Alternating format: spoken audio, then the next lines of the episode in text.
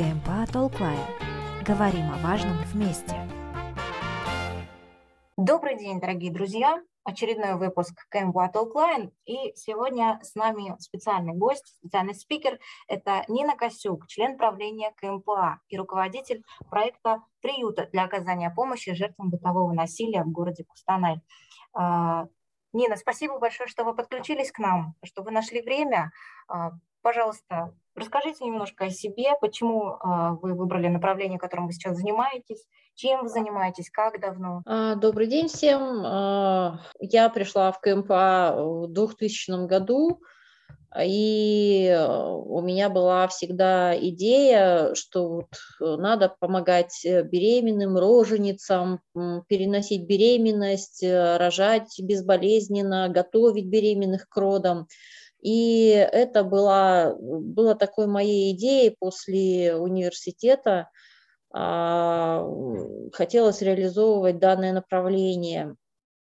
И КМПА в этом мне полностью э, способствовала. И сейчас у нас есть э, в Казахстане программа подготовки беременных к родам, э, у нас есть ведение беременных, ведение родов, проведение безопасных родов.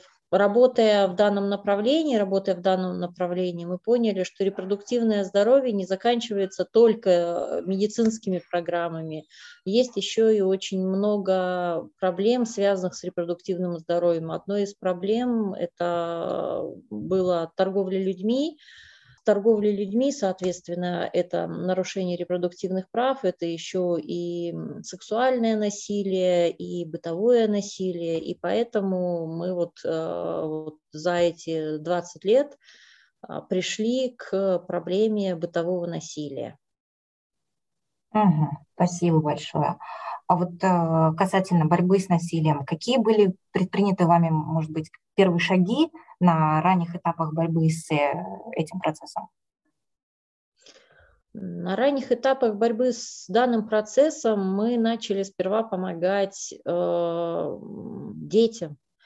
Нас Управление образования использовало как экспертов по вопросам э, насилия над несовершеннолетними, над э, половой неприкосновенностью несовершеннолетних. И мы помогали выявлять такие случаи, оказывали им помощь, а, защищали их интересы в суде. То есть э, наши первые шаги вот в этом направлении касались именно детей. А, кроме этого, у нас э, шли моменты, которые по защите жертв торговли людьми. А жертвы торговли людьми, они же делятся не только на трудовую эксплуатацию и, э, и там попрошайничество, но еще и сексуальная же эксплуатация есть, суррогатное материнство.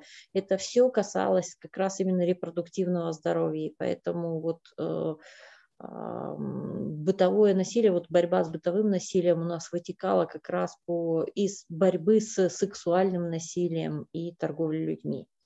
И поэтому мы вот пришли к этому. И вот э, еще более в раннем периоде мы занимались а, разработкой и продвижением э, стандартов оказания специальных социальных услуг жертвам торговли людьми и жертвам бытового насилия. И сейчас вот эти стандарты работают, и мы в рамках э, их реализуем проект по приюту для жертв бытового насилия от э, Казахстанской ассоциации по половому и репродуктивному здоровью.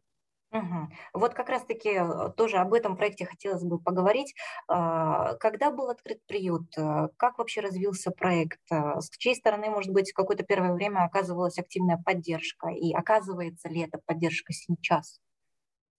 А вы знаете, первый, проект, э, первый приют мы открыли для жертв бытового насилия, о, для жертв торговли людьми, извините, у нас был пилотный регион, один из четырех по Казахстану. Мы его отработали. Для жертв бытового насилия мы открыли приют в 2018 году а, первый, но там было неполное финансирование, а требовалось оказание на 100% услуг.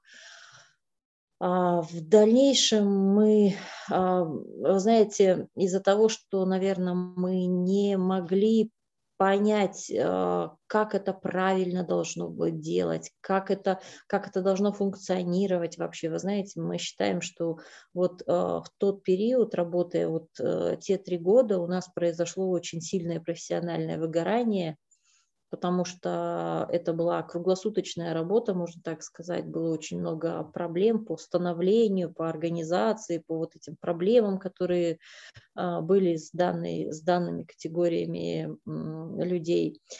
И а, в 2019-2020 году мы э, по приютам не работали. Мы пришли работать в приюты уже 21 22 год. И тогда уже, вы знаете, у нас было совсем другое отношение к данной работе, уже более профессиональное. Мы посмотрели, как это работает везде, с разными категориями.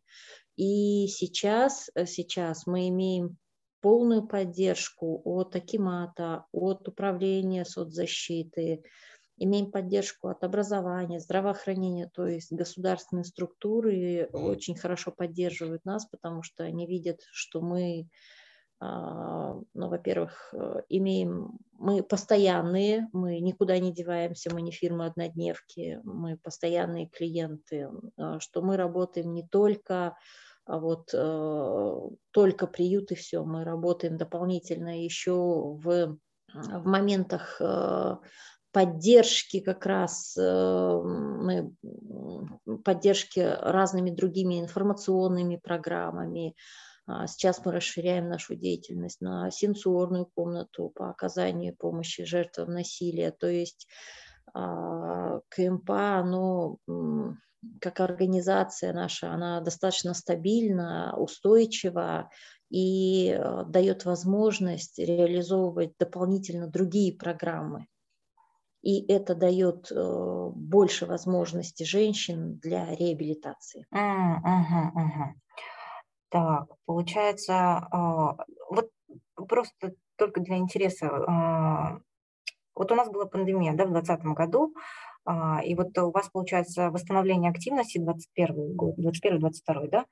да. Э, как-то вот ситуация поменялась в плане количества жертв. Говорят же, что, оказывается, в пандемии все-таки больше страдали женщины, больше дети, потому что им приходилось оставаться дома.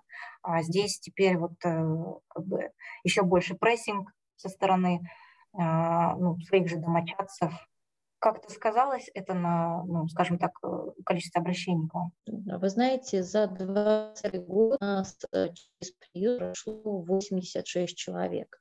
Мы открылись на 20 человек, но у нас было их гораздо больше. Одномоментно у нас проживало 36 а, человек но, вы знаете, была такая очень тяжелая ситуация в 2021 году. Во-первых, мы в Кустанайской области в начале года были только одни. Это во-первых. Во-вторых, было два очень серьезных случая, когда одну женщину у нас э, муж убил, и ее нашли а, в колодце, вытащили из колодца. Во втором случае было ножевое ранение прямо напротив э, ДВД. Опять же, муж убил женщину, и было очень страшно. И вы знаете, мы делали все возможное, чтобы принять всех пострадавших, потому что для нас было важно, а, лучше мы потеснимся, найдем место, примем женщин, чем мы их оставим на улице, и они, ну, их просто-напросто могут убить.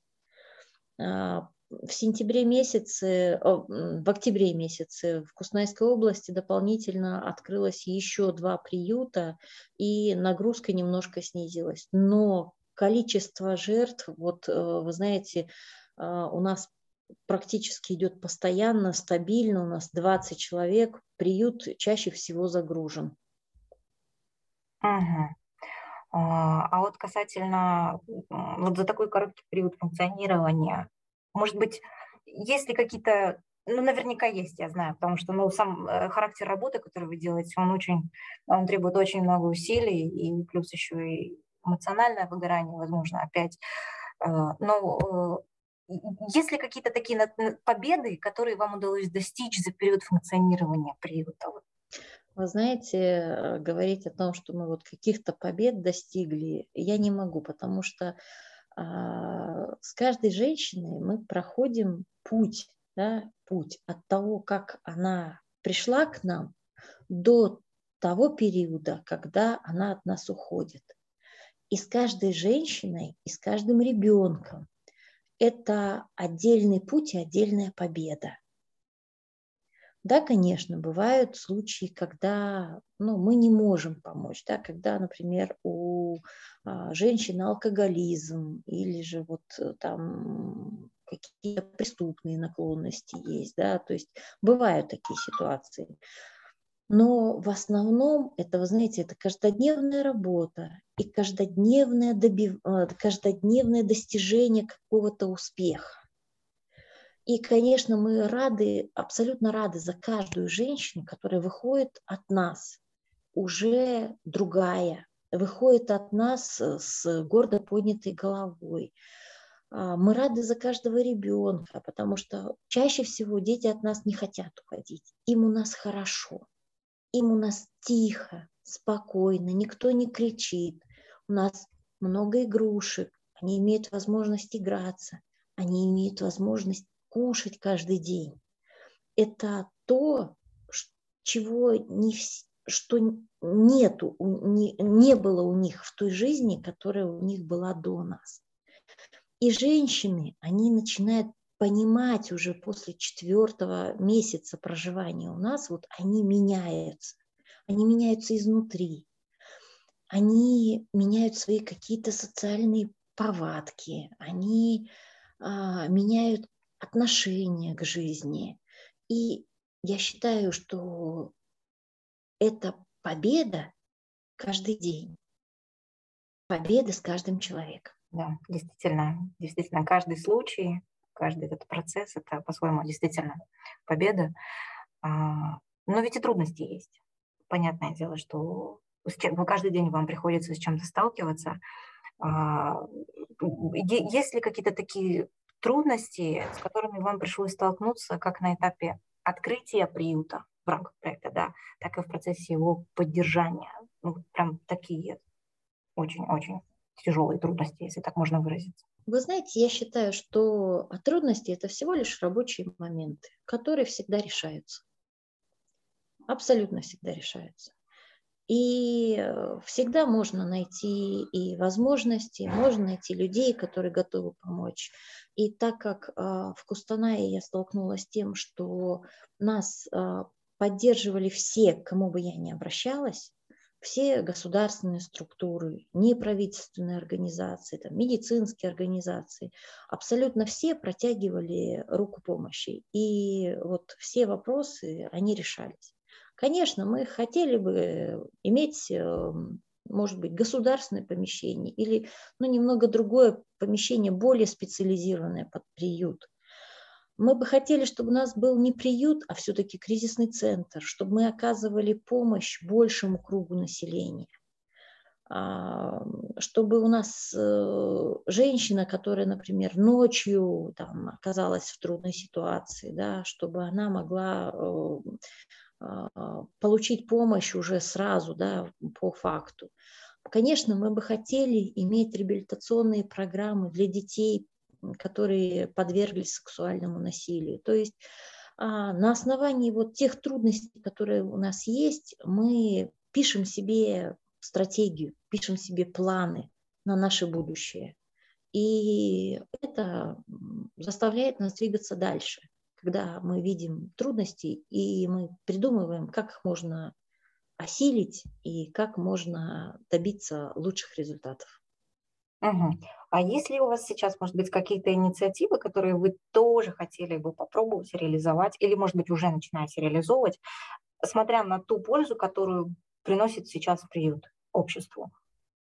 Вы знаете, а, мне хочется реализовать эм, дополнительно, вот мы, у нас была идея да, открыть сенсорную комнату, мы открываем, открыли сенсорную комнату. Сейчас у нас идея сделать реабилитационную программу а, по а, арт-терапии, но там не только арт-терапия, там по большей степени создание игрушек, да, когда э, женщина или мужчина создает игрушку, создает игрушку, и а, с, этой, с помощью этой игрушки он переделывает свой сценарий. Это очень интересная программа, очень интересный проект.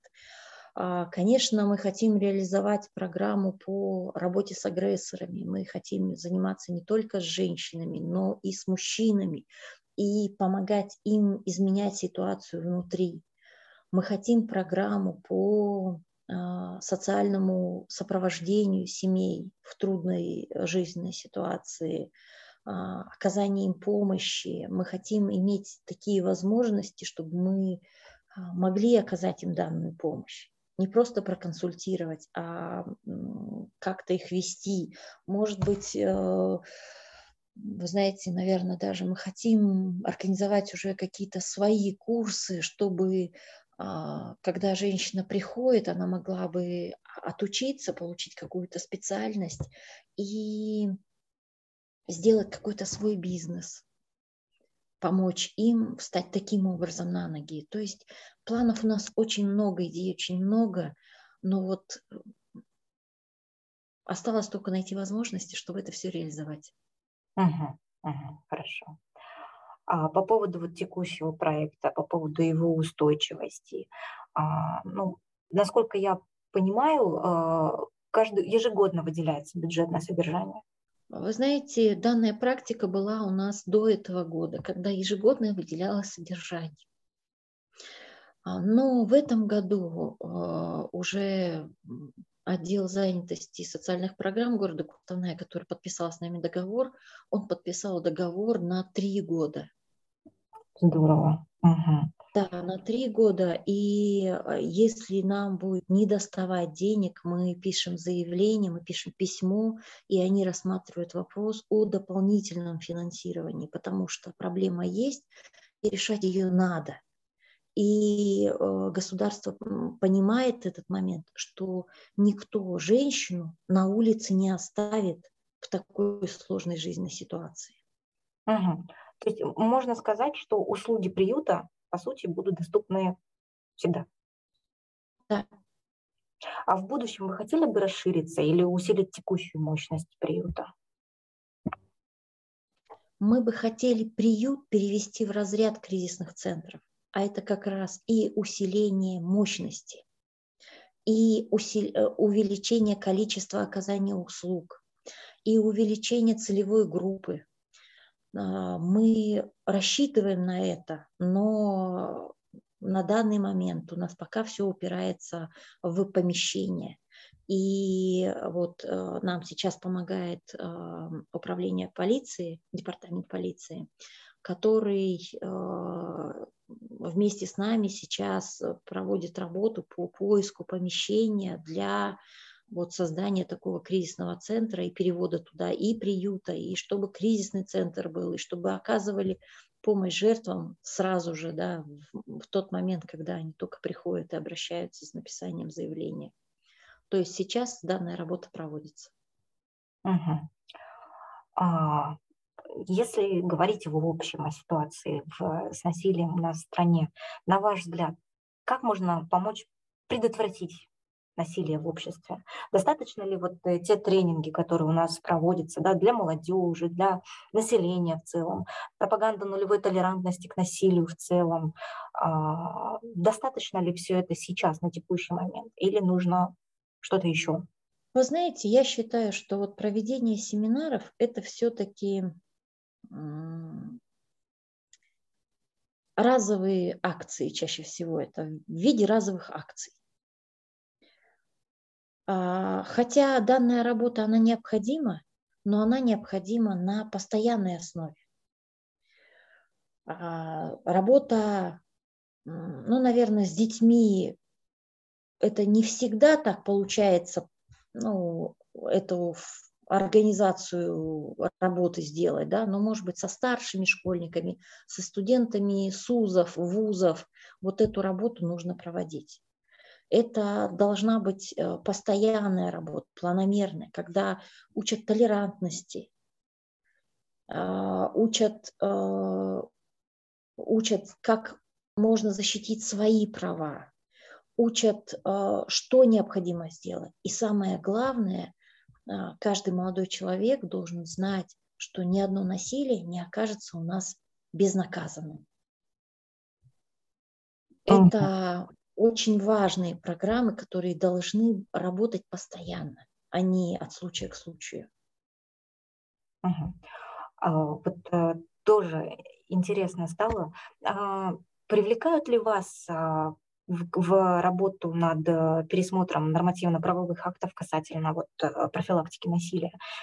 И, может быть, вы уже в каких-то участвовали, обсуждения это, или, может быть, рабочая группа, то есть, э, ну, чтобы как бы понимать, что вот люди из практики, как вы, участвуют в этом, в разработке, в пересмотре нормативных актов именно по этому вопросу.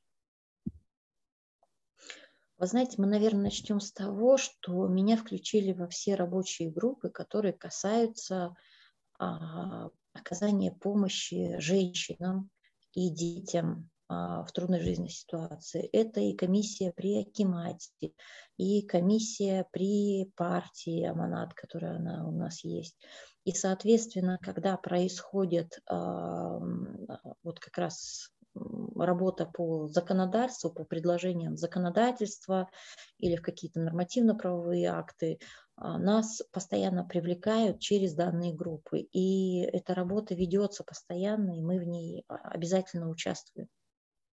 А приходится ли сталкиваться с, а, вот, э, скажем так, противостоянием тех, кто ну, против того, чтобы, допустим, там э, защищали права женщин и детей, потому что это как-то влияет на семейные ценности внутри семьи. И, в общем, есть риск того, что ведутся такие западные ценности, чем у нас любят обычно вот вообще такие люди апеллировать. Приходится ли сталкиваться с э, таким противостоянием? Вы знаете, в Кустанайской области мы с этим не сталкиваемся, а на уровне республики а, на, уровне, на уровень республики мы чаще всего не выходим, так как у нас э, большая загруженность, и мы просто-напросто не успеваем. Мы предлагаем наши, предлагаем наши предложения, а, варианты, как изменить ситуацию или как улучшить э, законодательство, но в, дальше, в дальнейшей адвокации мы не участвуем. Для этого есть э, у нас депутаты, которые с нами постоянно держат связь, наши кустанайские, и по большей степени адвокативная работа ложится больше на них. Угу. А, Нина, спасибо большое. А, ну, хочется еще и еще задавать вопросы. Беседа складывается очень-очень так интересно. А, но, к сожалению, в связи с лимитом нашего времени остается время только на один вопрос. Но он такой, знаете, больше о том, может быть, вы могли поделиться какими-то интересными мыслями, выводами, инсайтами, как сейчас модно говорить, которые вот пришли к вам в результате вашей деятельности как руководителя проекта. Вы знаете, наверное, самый большой инсайт, который ко мне пришел, это то, что никогда не надо делать за человека что-либо. Ему надо помочь, подсказать, направить, а потом восхищаться тем, какой он молодец, что он смог это сделать. Потому что когда мы только начинали работу, почему у нас произошло такое выгорание? Когда мы помогали людям, мы делали чаще всего это за них, для них вот это вот делали. А ответки, ну, как будем говорить, а, обратки не было. А вот сейчас, когда мы их начали по большей степени направлять, помогать, подсказывать, но не делать за них, а только ждать, когда они это сделают, и вот, вот здесь вот у нас пошла пошел позитивный, наверное, позитивная обратная связь что они начали восхищаться собой, что какие они молодцы, да, они вот это сделали, вот это сделали, и у них это все получилось, а мы только вот радовались за них, и мы стали меньше выгорать. Вот это было хорошим инсайтом, что не делайте за человека его работу, эту работу человек должен сделать сам. Хорошо. Спасибо большое, Нина. Спасибо за то, что вы выделили время. А, я надеюсь, это наш не последний выпуск с вами, потому что вы специалист широкого профиля в этом вопросе и не только. Спасибо большое всем нашим слушателям, кто сегодня присоединился к нам. Встретимся с вами в новом выпуске. Всем пока-пока. До свидания. С вами на связи КМПА Толклайн. Говорим о важном вместе.